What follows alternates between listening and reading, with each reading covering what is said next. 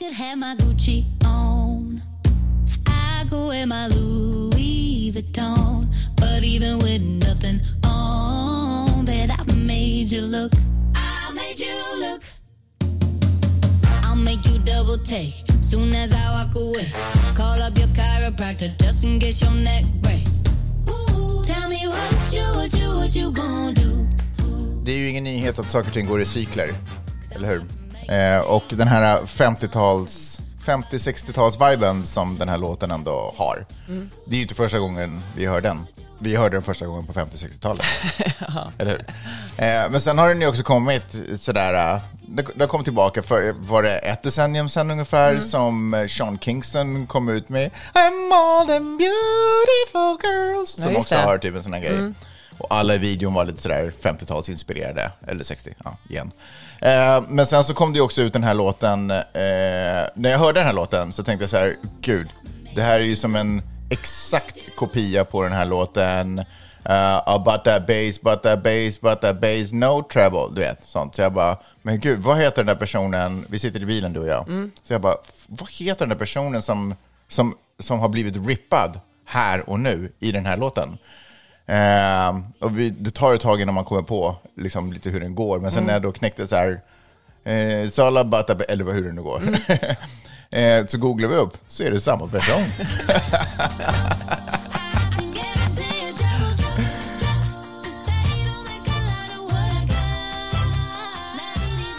Megan Trainer har gjort det. Hon, hon är ju inte trainer längre, hon är ju fully educated nu. Eller hur? Men alltså jag får alltid lust att säga Megan Thee Stallion och du är en helt annan person. Det är ju en helt, det är en helt annan person. Ja.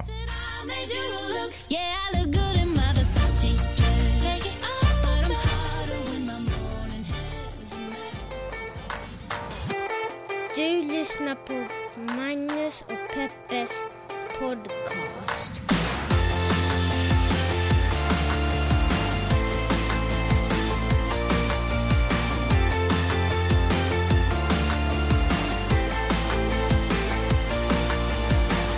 Yo, what's up peeps? Hjärtligt välkommen till podcasten som heter Magnus och Peppes podcast. En liten podcast där vi pratar om stora och små händelser i världen och så gör vi det ur ett eh, journalistiskt feminist... Ma- Vet du vad, man kan nästan Har du säga... skrivit ner det där? Nej men lyssna. Eh, Är det ett jag- manus du läser från? Ja, det ser ut så för att jag tittar på telefonen samtidigt som jag säger det här, för att det här går bara på sån rutin. Jag är så ruttad på det här kan man säga. Eh, Men jag tänkte säga att jag skulle, måste ändra den här um, intro till, istället för stora små händelser som har hänt i världen, så är det mer stora små händelser som har hänt på Instagram. Eller typ sociala medier. För jag känner att... Det är det enda du pratar om. Det är, ja, men det är inte så att jag är ute i världen och scoutar, det är därifrån jag hittar det. Skitsamma, du, jag har en liten snabb fråga, du som är social media-proffs. Eh, jag hittade en, en rolig grej, jag tror att det var typ en reel eh, som, som någon hade lagt upp, som jag sparade Mm. för att kunna prata om den i podden. Hur får jag fram den? Okej, herregud, det här, det här är okej, jag får försöka leta ut det senare. Peppe, hur har du haft det? Jag har haft det bra. Jag har varit, jag har varit ute. Jag har varit som en, eh, jag har varit en social butterfly. den Jaha, du menar du har varit ute och flängt, du har inte Ja. bara varit ute och promenerat? Nej. Nej. Det varit en ovanlig vecka för mig på så sätt. Ja, det första gången du var ute så var du ute i åtminstone i 45 minuter. Så det hedrar ju dig. Det var grymt. Jag kör, det tog längre tid för mig att få dig till det utestället än det tog för dig att vara där. Men så här, alltså jag var på, Nina Bing hade en eh, butiksöppning Mm. i, eh, på Melrose och uh, supertrevligt. Bjöd på jättegoda drinkar och eh, man fick pierca öronen där också. Jaha. Och uh, lösgodis och en massa snygga kläder. Och det var verkligen jätte, det var jättehärligt att se Anine också, jag har inte sett henne på länge. Men det roliga hände på vägen hem, för då beställde jag en Uber och eh, så, beställ, så ångrade jag mig och var så att nej vänta, kanske jag stannar en stund till. Så gick jag in och så att nej, det är skönare att åka hem. Så jag beställde en ny Uber. Alltså det var typ bara Men två hur hade minuter. du annars tänkt att komma hem? Förlåt. Nej men jag var sådär, alltså jag, jag beställde en, jag ångrade mig på den första Ubern och sen tog den andra. Varför ångrar Vänta. du på det första? För jag tänkte att kanske, kanske jag ska ändå, kanske jag ska stanna här en liten Jaha, du menar så, Ja. att kvällen var inte över Nej. möjligen? Ah, okej. Och, eh, men i alla fall, så kom den andra Ubern typ Mm. tio minuter senare. Och jag hoppar in och så småpratar vi, som man nu gör liksom. Mm. Och så sa jag, skojar jag någonting om att eh, nu när det är så här mörkt och, och så här kallt ute så vill man bara åka hem och lägga sig. Att det är ett mirakel att man ens kommer ut efter klockan fem på eftermiddagen. Och så den här mannen eller killen som kör, han bara sådär att you've seen nothing. Jag kommer från Sverige och där Fast ska han du sa det veta. på engelska. Han sa det på engelska. Där skulle du veta att det är mörkt och kallt den här tiden på året. Ja. Och jag bara, va? Kom du till Sverige? Talar du svenska? Han bara, ja, jag heter Kalle. Ja. och han förstod vad du sa med finlandssvenskan? Ja, han hade noll problem med min finlandssvenska. Ja, är det sant? Ja, Det hedrar Kalle. verkligen. Okej. Visade sig att han var supertrevlig, jättepåläst. Han var ursprungligen från Etiopien, hade kommit till Sverige när han var två eller tre år. Mm. Åkte tillbaka varje år och lärde mig mycket om Etiopien. För jag var ju sådär, jag har också varit i Etiopien. Du kanske lärde dig mycket om Sverige också? Kanske det. Jag har ju faktiskt aldrig bott i Sverige. Och eh, nej men det var verkligen jätte... Vi satt och talade liksom om politik och om LA och ekonomi och jättetrevligt. Och eh, kom hem snabbt och tryggt. För jag tycker faktiskt det kan vara lite obehagligt att åka i Uber ibland. Man vet aldrig, liksom folk... Alltså det är nästan alltid Mm. Och svenskar kan man lita på. Och svenskar kan man, det Ja. vet ju alla. nej, men... Vet du, ir- ironiskt nog, om, eh, om Kalle hade kört dig i Sverige så hade du känt dig otrygg. Eller du känner, dig Varför trygg, det? du känner dig trygg generellt i svenska Ubers? Nej men jag får tänka, där är ju du bara en Uber så att säga. Ja. Nu blev du ju en liksom landsmans-ish. Okej, säga. jag fattar. Ja, men, men det känns också som i Sverige så finns det mera säkerhetskontroll av vem som kör bilarna. Jaha, ja, det vet jag jag känner inte. att i USA man bara sådär, typ frågar dem, kommer du att begå ett brott? Och de Mm. bara, uh-uh. Och de bara, okej, säkerhetschecken är gjord. Just det. Men de har också checkat i man får ljuga. Ja, exakt. Men i alla fall, klipp till lördagen då jag igen var ute på stan. Den här Wow. gången gick jag och så Amy Schumer. De Det är i och för sig stort. Det Ja. där måste du återkomma lite Ja, men jag ska till. göra det. Det var Ja. faktiskt jätteroligt. Och, eh, och så gick jag ut och åt middag efteråt med mina kompisar och så var det dags att åka hem. Och då hade Kalle sagt att nej, texta mig om jag är ute och kör, vilken jag nästan alltid är, så kommer jag plocka upp dig. Mm. Och så textade jag Kalle och bara sagt hej, han, att jag är downtown. Han bara okej, men jag är down 20 minuter. Är det sant? Och så kom han plocka upp mig och uh, skjutsa hem mig. Det var så... Vad pratar ni om då? då? Ja, men då pratade vi mycket Fortsatte om... ni liksom där ni slutade senast? Ja, men typ, vi talade om så här sportswashing och fotboll i fotbolls-VM i Qatar och uh, han hade pratat om det med sina kompisar, de hade bråkat lite om det för att han tyckte som jag. Och uh, alltså det var Mm. Att så... det är vidrigt beteende? Ja. Och att man inte kan skilja på sport och politik. Nej, men det var verkligen så trevligt. Och sen var jag sådär, just det ju Lucia på Svenska skolan på tisdagen, att eh, du har ju en treårig dotter, ni kanske vill komma? Han bara, så att, ja men vi ska kanske ska komma dit, hon måste börja i Svenska skolan. Alltså det var så trevligt. så nu roligt. om någon är i LA och behöver Uber så har jag Kalles telefonnummer. du har, you got a guy. I got a guy. Ja, för det handlar ju om att ha en guy. Älskar att ha en guy. Jag tycker att det är så otroligt roligt att få höra om dina anekdoter när du är ute. Det enda som är synd är att de handlar mest om din resa hem.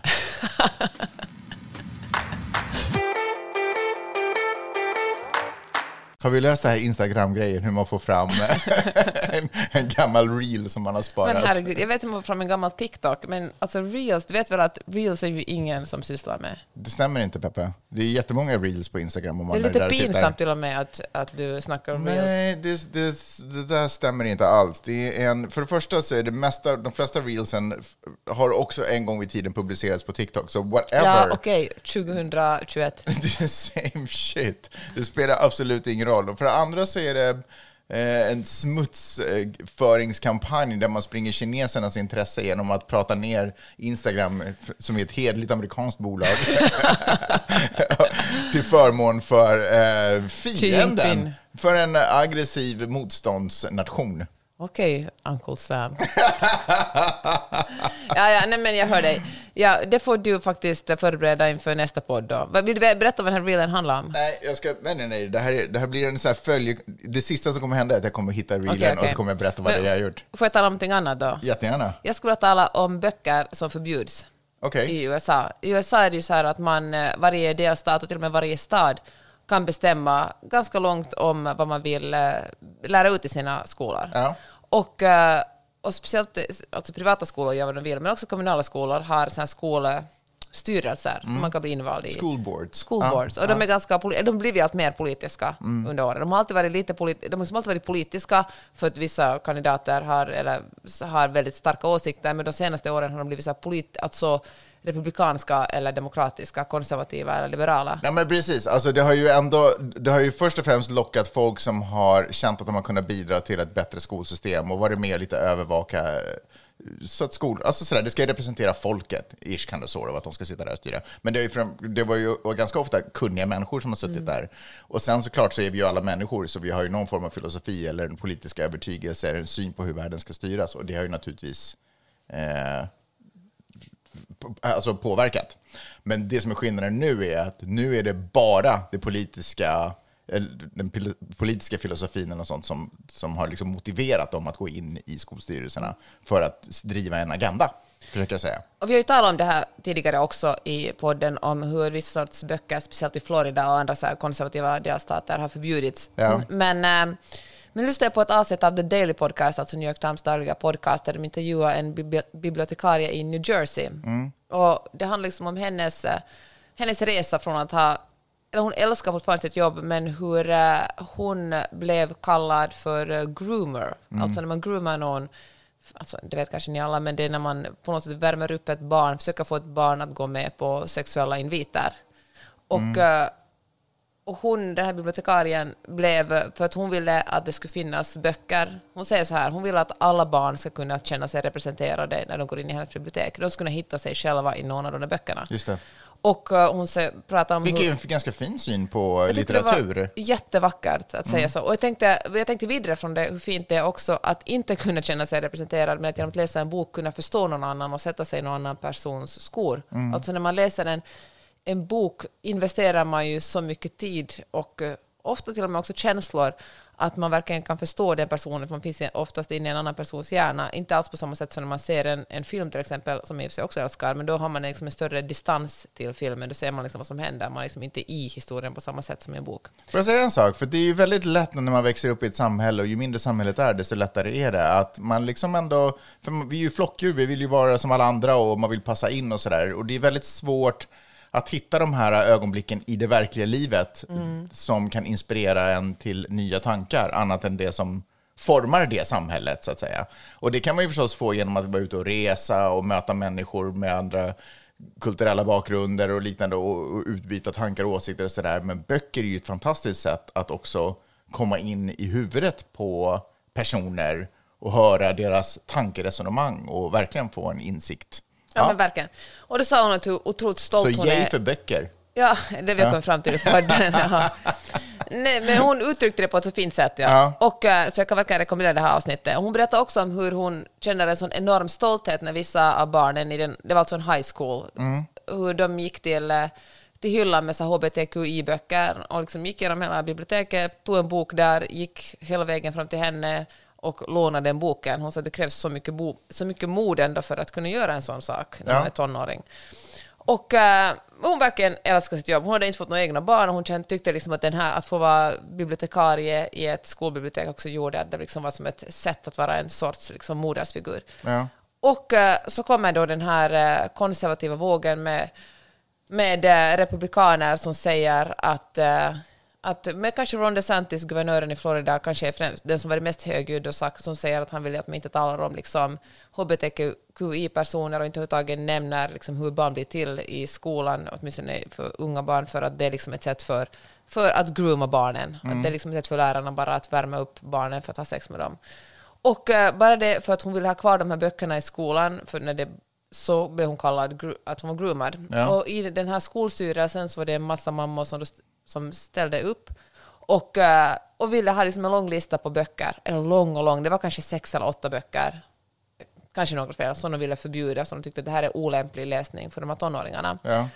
Och, eh, och för, just för att deras sexuella karaktär, att barn ska, de tyckte att tonåringarna var barn och barn ska läsa om sex.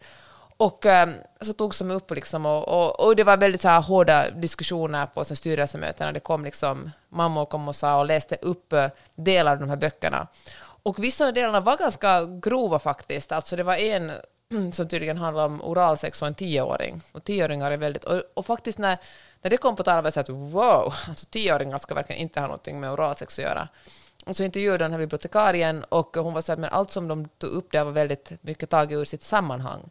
Alltså om man cherrypickar och tar liksom lite här och lite där så kan det få en helt annan betydelse än om man läser en hel bok och förstår det finns liksom en, bok som är kanske den mest kända som heter This book is gay, som handlar om en kille som kommer ut som gay, som eh, mammorna absolut ville förbjuda. Undrar förresten var alla pappor var, de bryr sig kanske inte om sånt här. Men där bibliotekarien tyckte det var jättefint för, för barn som verkligen är gay.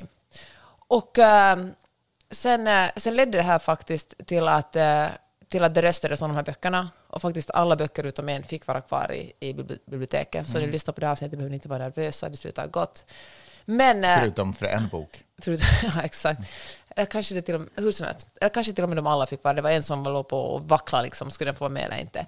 Men det som är också intressant är att de här, för de intervjuade också en mamma som var mot de här böckerna, vilket jag tyckte var väldigt relevant att de gjorde, för att det blir orätt, alltså när jag berättade så här i podden, du berättar ju bara från bibliotekariens perspektiv och då låter det ju galet, så det var jättefint att höra den här mamman prata om hur hon kände. Men eh, det som hon inte kunde argumentera emot var att hon, mamman talade bara om sex. De sa bara att de tycker att barnen utsätts för tidigt för sexuellt implicit innehåll. Men i praktiken så var alla de här böckerna böcker som handlar om hbtqi-personer. Alltså sex är okej i böcker så länge det är heterosexuella som sysslar med det, men inte så länge det är hbtqi-personer. Och jag tycker det är ganska anmärkningsvärt. Alltså det är ju då handlar det inte om grooming, utan det handlar, det handlar ju aldrig om grooming, utan det är bara något som någon har hittat på. Utan det handlar helt enkelt om ett, ja, men ett enormt motstånd mot folk som avviker från, en heteronormativ, från heteronormen. Mm. Eh, de har ju säkert, jag jag är ganska säker på att de inte skulle vara helt okej okay med heterosexuella, explicit, liksom sexual content i ungdoms eller barnböcker heller. Men jag- Men nu förstår jag att de har bara plock- plockat ut hbtq, Ja. liksom böckerna ur bokhyllan och bara studerat dem. Men eh, alltså, Eller, ja, alltså, ja, kanske inte, men alltså, det kan ju inte vara en slump att alla böcker de ville förbjuda, alltså de talar om sex, men alla böcker de ville förbjuda handlar ju bara om hbtqi Nej, nej, nej, men precis. Men jag tänker, men oavsett, jag, jag, jag behöver inte ens låtsas att jag förstår hur deras tankegångar går. Men alltså, jag tycker väl inte att det är nödvändigtvis dåligt att man åtminstone lyfter upp det och diskuterar det, att man inte bara släpper det fritt. För jag tycker faktiskt att samhället har ett problem att det är väldigt sexualiserat. Att det, allting handlar om eller allting dras liksom ner till sex, både ifrån en vilja att det ska vara så, men också från en liksom, nästan en panikreaktion på att man vill undvika det, så blir det mer fokus på det. Förstår du vad jag menar? Förstår du vad jag menar? Ja, jag, förstår, jag tror jag förstår vad du menar. Jag tycker att vi har ett problem i, alltså jag tycker att vi liksom har, vi har, verkar ha svårt att formulera våra tankar och våra känslor runt det och vad, vilken roll egentligen sex ska spela i våra liv, typ. Tycker jag. Alltså jag gjorde en intervju med, för, på den vad vi vet idag med en kvinna som har forskat i äldres sexualitet. Och hon sa att, eh, att sättet som vi ser på sex idag, det är bara unga människor, unga vuxna människor och eh, medelålders människor som har sex. Att eh, seniorer som har sex upplever man något som inte existerar. Och, och om det existerar så är det äckligt.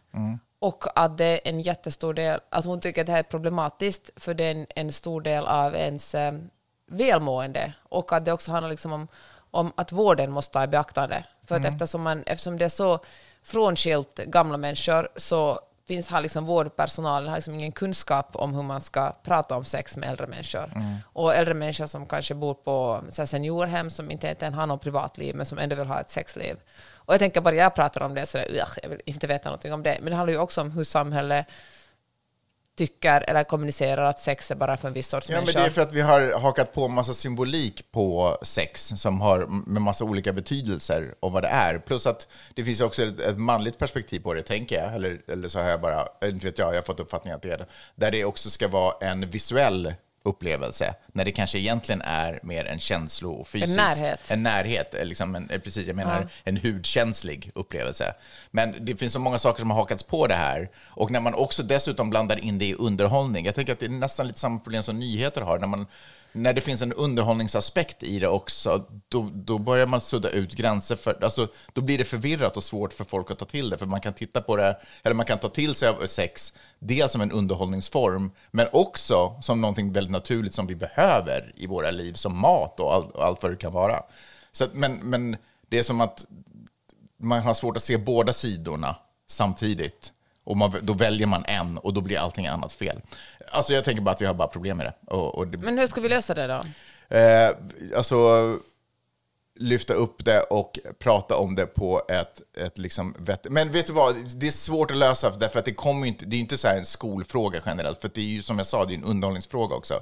Det är ju allting som visas på film och, och som man kan läsa om i böcker och sånt, så vi har, liksom, det är svårt att vända, alltså jag vet inte. Vi, man får Alltså, väl... jag tycker det är jättestarkt en skolfråga. Att, för jag tror, att Ja, men det är liksom- klart att det är parallellt är det, men det är svårt om skolan gör en sak och sen händer allting annat så fort vi sätter på Netflix. Därför borde ju skolan verkligen tala om sex. Jag tycker att våld är samma sak, om jag ska vara helt ärlig. Alltså hur lätt vi har att porträttera våld i en underhållningsform, eller i spel eller på film. Så jag tycker att det är, det är klart att det, man säger så här, men ja, jag kollar på en våldsfilm, det är klart att jag inte går ut och skjuter någon. Nej, kanske inte du, men om man hela tiden avdramatiserar det och, normaliserar våld och, och grovt våld, och dessutom sen börjar kombinera det med sex, så det är klart att någon trillar ju fucking dit. Alltså, alla, alltså, det, det, vi kan väl utgå ifrån att de flesta i samhället inte gör det, men varför ska, behöver vi den formen av, av underhållning? Det är ju bara någonting vi har matats med, och dessutom där ribban har höjts ganska mycket. Det håller jag med om, men jag tycker samtidigt inte att man kan, alltså man kan sätta åldersgräns på både våld och sex, men jag tycker inte att man kan sitta och förbjuda vad som visas i film och tv, Mm. eller liksom på, det slutar aldrig gott när man börjar dra gränser för vad Nej, de gränserna. och det är ju Men det som är problemet. Det är ju det som- grunden att helt enkelt inte liksom sluta tala om sex i skolan, eller sluta tala om våld i skolan, Nej, nej, nej. utan tala mycket om det och liksom på något sätt skapa, skapa någon slags resiliens där. Att, att unga människor fattar vad det är på riktigt. Super, som- vilken maktmetod att börja slänga i ord som resiliens. Så att En inte ska gammal förstå- härskarteknik. Så, så att jag ska ägna tre sekunder åt att fundera på vad det ordet kan betyda och sen missa allt annat viktigt du säger. Så jäkla fräckt. Hör du, eh, men jag tycker att det är liksom, eh, men det, är, det ställer höga, speciellt när det kommer till barn och vilken sorts litteratur. För ingen litteratur är naturligtvis dålig, men Eh, jag kan se att en del litteratur kan vara skadlig om det inte kommer med, för- precis som du sa, den här ena scenen kan behöva sättas i en form av kontext. Men det tror jag också en hel bok kan behöva göra. Alltså om, om en om, ett barn, om boken inte är tillräckligt bra, för den är ju också skriven av en människa, om den boken inte är tillräckligt bra att sätta sitt eget innehåll i en kontext så kan man behöva en vuxen människas stöd Ja. i den diskussionen. Och då kan ju den vara en bra samtalsstartare. Boken i sig kanske inte löser alla problem, men då menar jag att då kanske inte alla barn att inte, all, all litteratur är inte lämplig för alla barn därför att de får inte den fulla kontexten med den litteraturen, därför att det inte för, alla föräldrar är inte bra föräldrar, basically. Nej, men därför finns det, det är tur att det finns bibliotekarier som kan hjälpa barn och säga Mm. nej, den här boken tror jag inte du kommer att tycka om, den här boken tror jag du kommer att tycka om. Men till och med som, ja,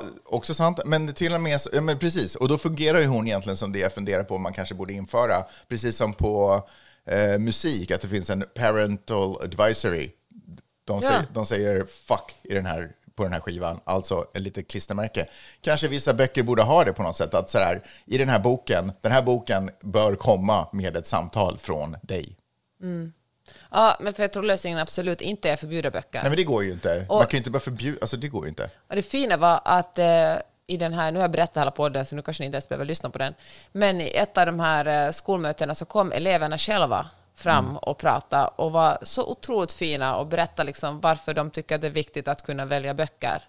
Mm. Att kunna liksom, jag menar att eh, varför de vill ha alla sorters böcker i sitt bibliotek. Det var så fint. För jag tror verkligen, om jag ska knyta samman det här, den här diskussionen till det den här bibliotekarien sa i början, att hon vill att alla ska känna sig representerade. Och jag tror att det där med representation är så otroligt viktigt, vare sig det handlar om sexualitet eller hudfärg eller eh, vad vet jag, liksom funktionsvariation. Att bara få veta att man inte är ensam i världen, utan att världen består av andra människor än liksom vita, snygga, heterosexuella, unga människor. Så är det.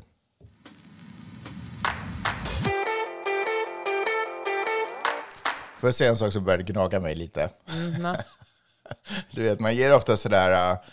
Man lyfter ofta fram sådana här situationer där barn kommer och säger så otroligt kloka och, Insiktsfulla och, och insiktsfulla och inkluder, världsinkluderande Mm. saker. Och man bara, och the children know the way. Och sen skriver Mark Levengood en bok om det. Ja, men grejen är att det är ju sjukt lätt. Det, vet du vad? Det, alltså barn beter sig som rika popstjärnor.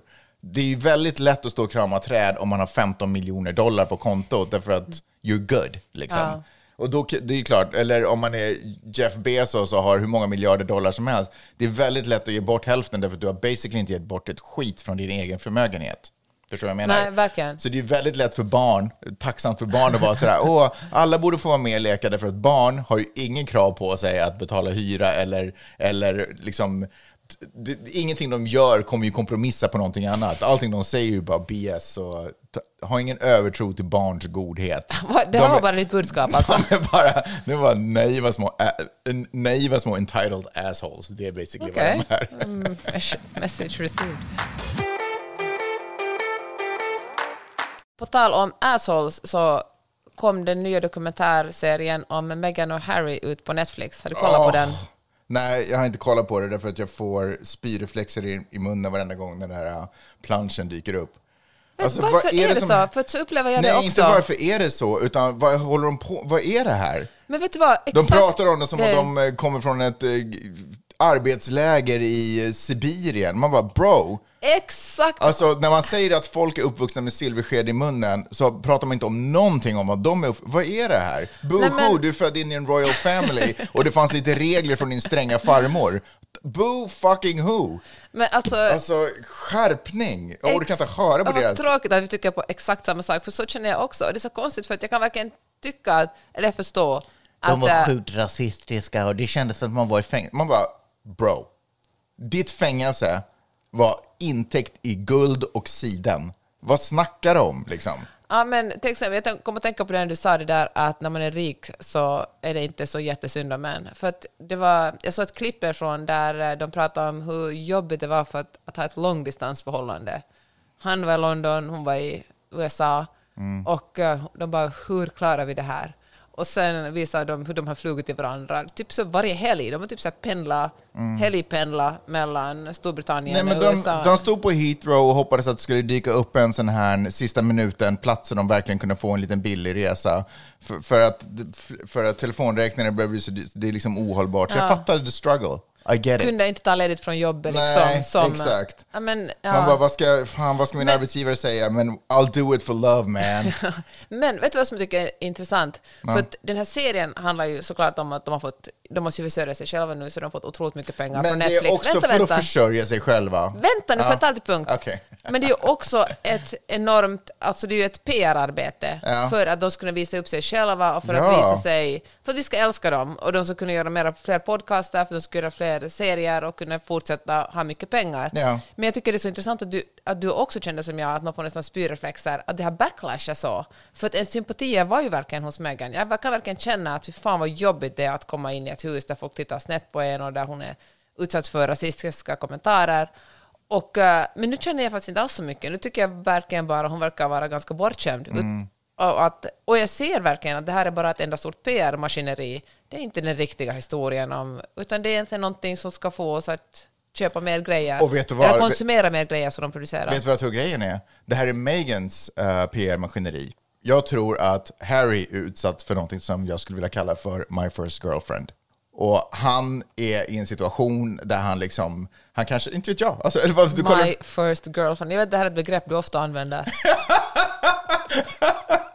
Därför att man är så kär i tanken, eller känslan av att, eh, att någon är kär i en och att någon tycker om en och, och vill vara med en. Så att man är så, man är otroligt liksom villig och öppen för att förändra sig själv för att passa in i den här nya relationen.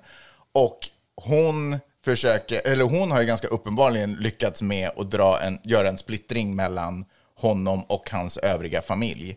Och det är ingen liten sak. Och jag förutspår att det här kommer catch up till honom eh, om några år. Och han kommer, de kommer separera på grund av det här. Ja, jag tänker inte gå så långt, alltså, så mycket feminist ändå att jag inte tänker gå på det där att hon har på något sätt lurat honom till att göra saker han Det, inte jag menar göra. inte att det är lurat, jag menar bara att det är han som... Alltså nej, men vadå? Kärleken make you do crazy things med henne. My first girlfriend Tyvärr låter ju så lyckades- också som att han är en, stor, en docka i människostorlek som Ja, men det, från är Japan. basically vad det är. För att han, jag tror inte han har... Alltså, det är 100% är vad det är. Det här är vad som händer. You know where you heard it first. så är det.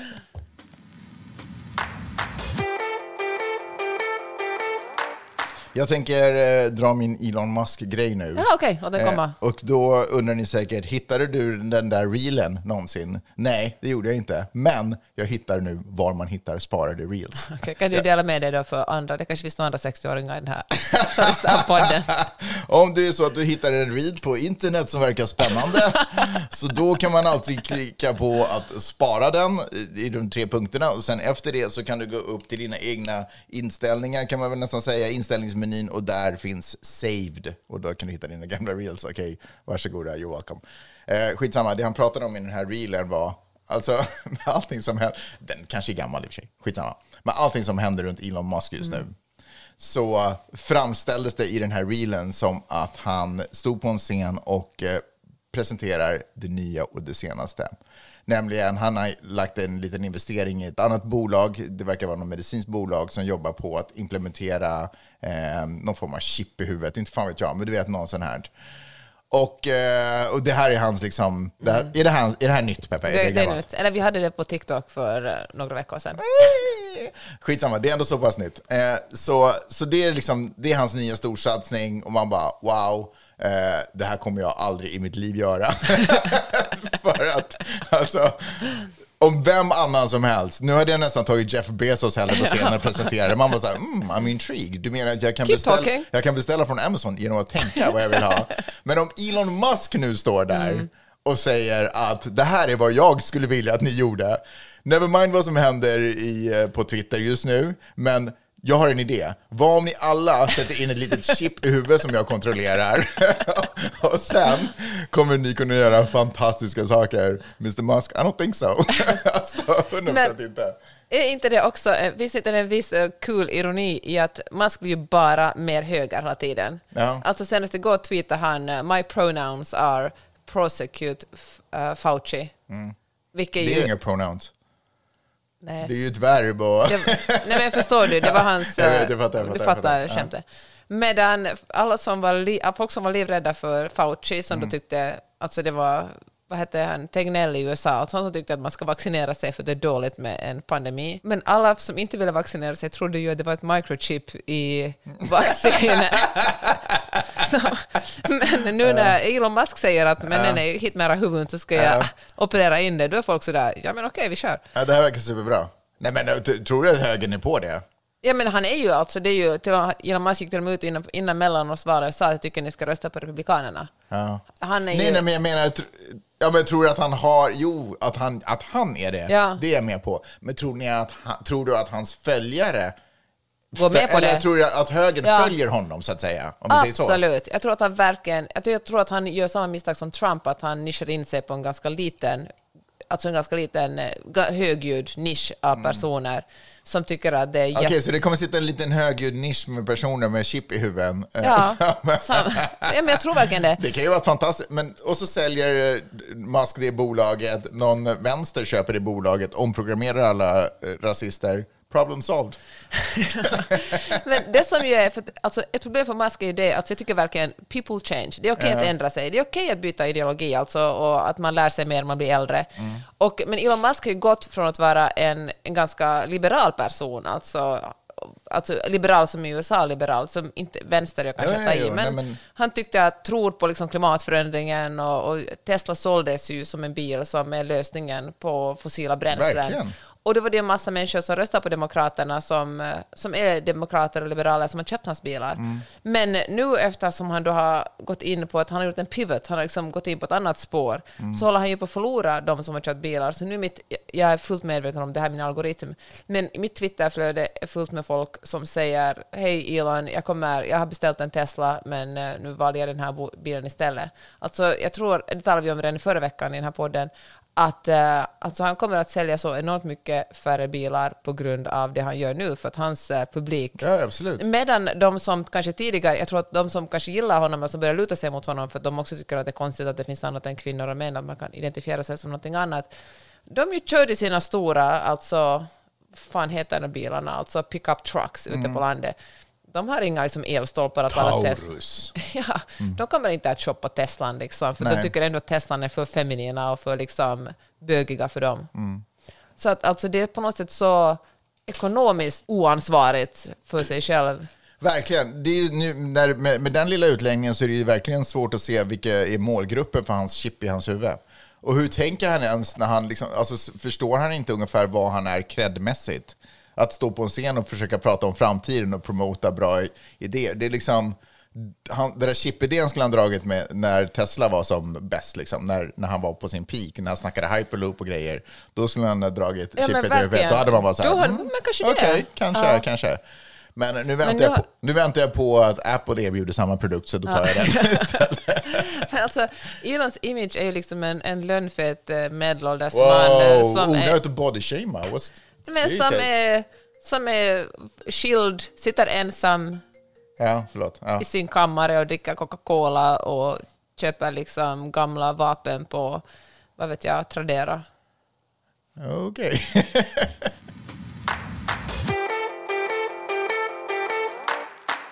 Two applications we're going to aim for in humans um, are restoring uh, vision, and uh, th- th- I think this is like notable in that even if someone has never Alltså förlåt, får jag bara säga, han sa the first two implants.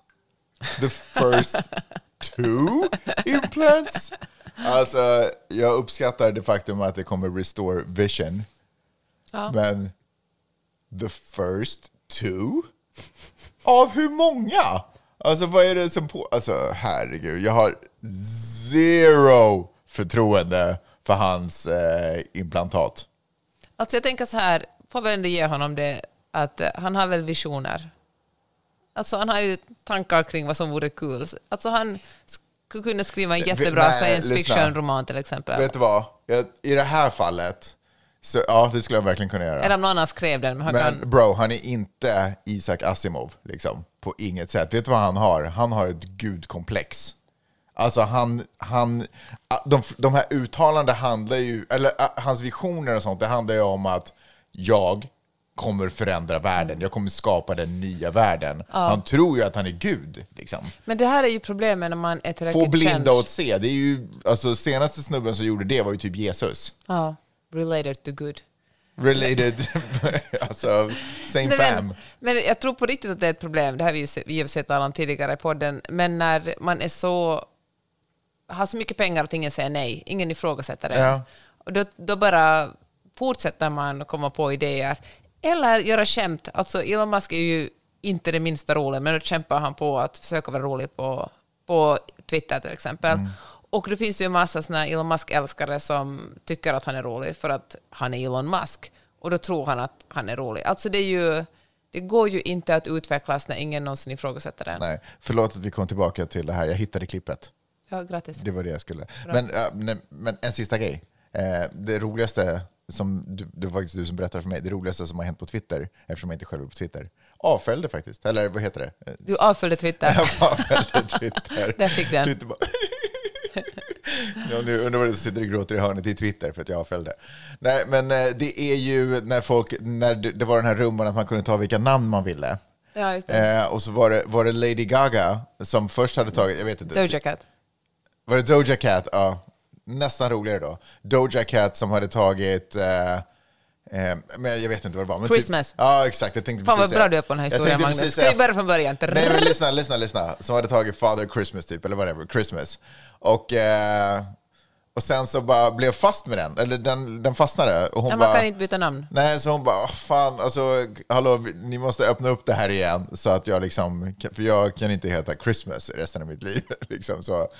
Och eh, skitsamma, tiden, eller så här, turerna gick och så bara, okej, vi öppnar upp det så nu kan ni alla byta till det som ni egentligen ska ha. Och då bytte hon till Elon Musk. alltså det är fan humor. Det är humor på hög nivå. Eh, saker som pengar inte kan köpa, fucking bra humor. Eller hur? Verkligen.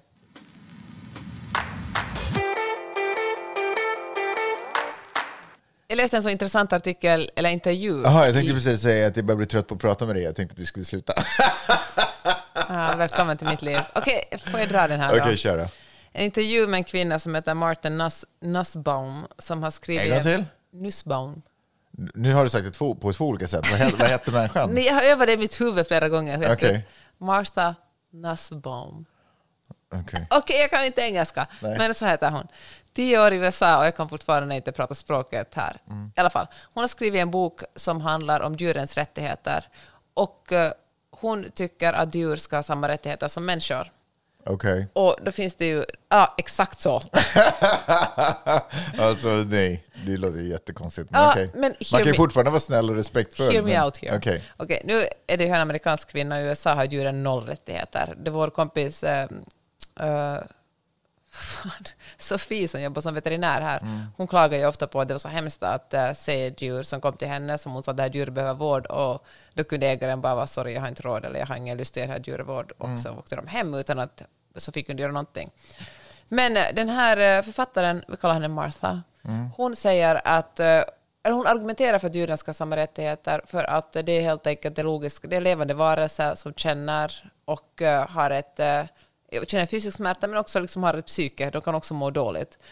Och eh, hon tycker att eh, man inte bara, alltså det självklara är såklart så industrialiserad eh, djurhushållning när man har en miljard eh, hönor eller kalkoner eller kossor eller vad som helst, och bara, eller grisar för den delen, så typ aldrig får leva ett naturligt liv.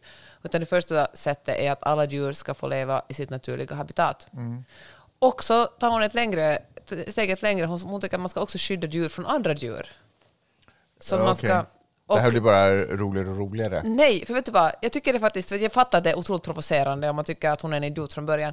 Men jag tänker att man måste kanske komma med en sån extremt påstående för att, eller extrema tankar för att kunna, folk ska börja tänka på det och sen kanske ta ett steg i rätt riktning för att liksom respektera djur mer än vi gör nu.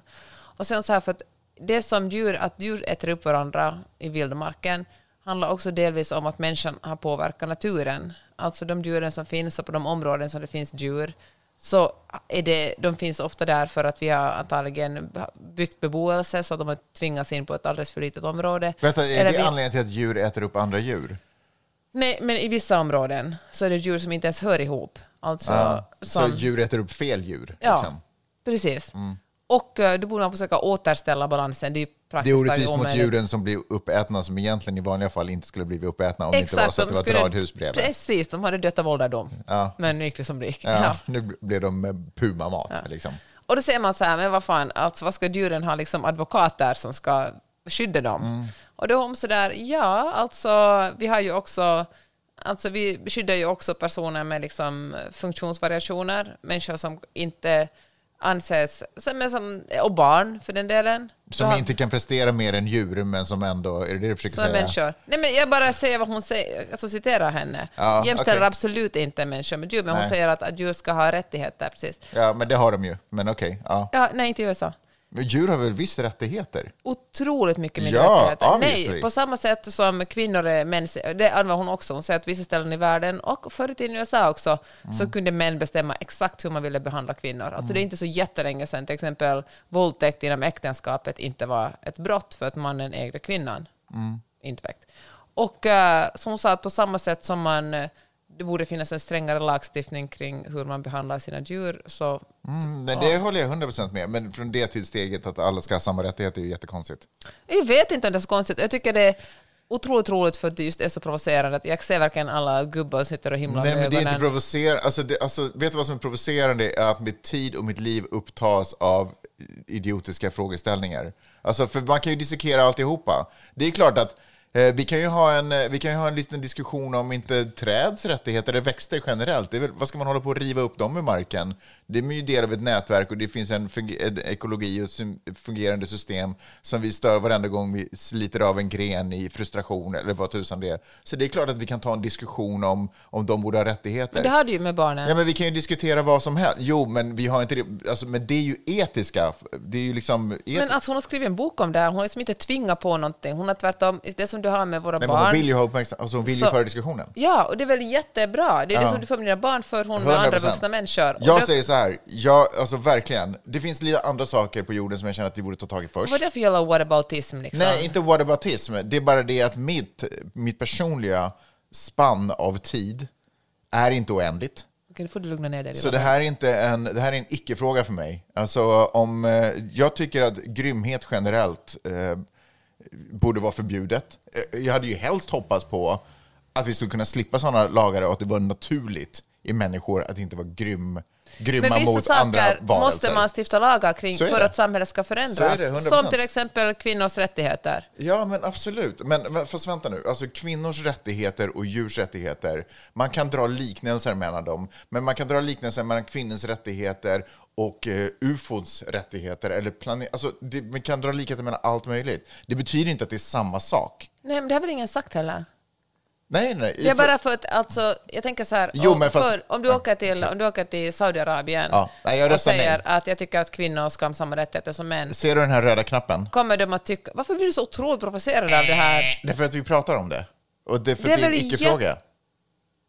Det väl otroligt uh, inskränkt att säga så. Varför då? För att när man pratar om någonting förstår man saker på ett helt annat sätt. Man kan lära sig vad man tycker och ibland kan man diskutera sig fram till någonting. Mm. Att genast vara så här, det är en dålig idé. Det säger säkert också shejkerna i Saudiarabien. Äh, klart kvinnor inte ska ha rättigheter. Är du fucking helt pratar, ja, fast varför, varför pratar du om kvinnors No, Okej, rättigheter? svartas rättigheter i USA Varför då på pratar du om män? 60-talet. Det, det är människor.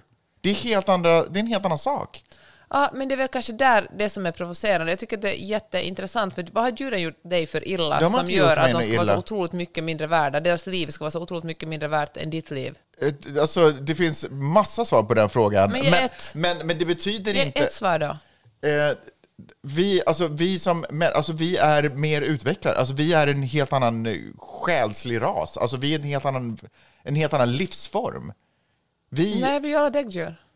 Vi är inte alls alla... Jo, men det är klart att vi är alla... Eller vi, vissa är inte däggdjur av djuren, förstår jag. Men liksom, vi, det är klart att vi är alla däggdjur och vi har alla liksom rätt till liv. Men vi kan inte ha samma rättigheter därför att människan står över djur. Liksom, ja, men det här- argumentet har ju funnits också på andra håll. Människor som Jo, människor andra människor. emellan, men människor emellan, det är ju ändå en samma art. Vi är ju ändå samma sorts varelse. Det är ju klart att vi inte ska idka grymhet mot varandra. 100 procent. Och det är klart att vi inte ska idka grymhet mot djur heller. Men djur är också vår mat. Potentiellt. Alltså det, är, det är fortfarande en, en, en källa till energi och föda för oss. Så vi kan, det är ju inte människor, kvinnor eller svarta. Det är ju Men liksom, det behöver djur behöver inte vara Nej, det behöver de inte, men människor är inte det. I, Nej. I djurens fall så är det ändå ett val. Och i en desperat situation så är det inte ens ett val. Då är Simon i ugnen, så är det bara 100 procent. Ja, jag tycker inte håller riktigt det där. Nej, men det- är så, och det kan inte vara så att om vi drabbar av, drabbas av hungersnöd på grund av att vi har fuckat upp den här planeten och alla eh, åkrar och alltihopa åker upp pipsvängen och Simon är det enda som står mellan mig och mat. Om Simon, du och resten av min familj eller grannen står mellan mig och mat, då är det Simon som är med ett äpple i munnen. Men förstår du, det är väl självklart, men förstår du att... Ja, men då kan, inte jag, ha- då kan vi inte prata rättigheter, men- för då kan inte jag åka fast för mord. Nej, problemet med det här är att eh, jag säger inte att jag argumenterar för att djuren ska ha rättigheter som människan, Mm. utan jag tycker att det är en jätte, jätteintressant filosofisk diskussion och då tycker jag är intresserad för att du blir så otroligt upprörd av det här, för det, det uppenbarligen stör dig jättemycket att ens tänka det. Och jag tycker det som... det, för det, det är Jag tycker att- idiotiskt. Ja, jag tycker verkligen inte det är idiotiskt. Det är ju För det är samma sak med växter också. Det är också en källa, i vissa fall är det en källa till, till näring för oss. Men växter har inget, alltså växter, växter har inte en hjärna till men exempel. det är väl- nej, Väldigt men få hjärnan har ju samma nervsystem som eh, Vänta, djur. vänta, vänta, vänta. Växter har möjligen inte en hjärna, men det är ju bara vetenskapen som inte har, möjligen, om de inte ens har gjort det, identifierat exakt hur, hur växters känsloliv rör sig genom de här s- mikroberna i marken, eller vad tusan det är som hjälper Men det är också whataboutism då. Nej, men jag bara säger att vi, det måste man väl ändå förstå, att jorden är mycket mer komplicerad och nätverken som existerar är mycket mer komplicerade än att jag har du hjärna eller har du inte hjärna. Du försvarar ju hummers rättigheter, de har ju inte heller en hjärna per definition. Inte som människan har en hjärna i alla fall. Det är ju bara olika var vi drar gränsen för vad vi accepterar. Nej, alltså vad humrar, kan ju, det är, humrar och kräftor och allt annat som kokar levande känner ju smärta. Djur ju är mat, därför- växter är mat, inga rättigheter. Okej, Elon Musk.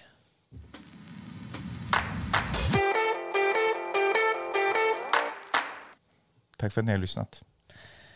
Ja, det blir dålig stämning på slutet och ni ska veta att den kommer att hålla i sig hela eftermiddagen hemma hos oss. Men får jag ändå bara säga, snälla ät Det det- inte djur. Det, är enda 20 du gör är säger, herregud, det är mitt liv, är, får jag bara säga en sak och sen malar du på. Lyssna. Ät inte djur. Det är 2022. Vi bor i västvärlden. Du som lyssnar lever och bor i västvärlden. Det finns 100% andra alternativ. Så ät absolut inte djur. Vänta till att du är på den. eh, Vänta till Armageddon och alltihopa Då faller. är Simon din. Då är Simon, då, då, då ska, jag har redan nu lagt undan en liten kryddburk. I, I den här, du vet den här väskan som man ska ha när det blir jordbävning och man bara drar. I den finns också lite kummin. Det finns, jag skojar, aldrig använt kummin i hela mitt liv i matlagning. Anywhos, tack för att ni har lyssnat den här veckan. Vi hörs om en vecka igen. Det gör vi. Hej då! då!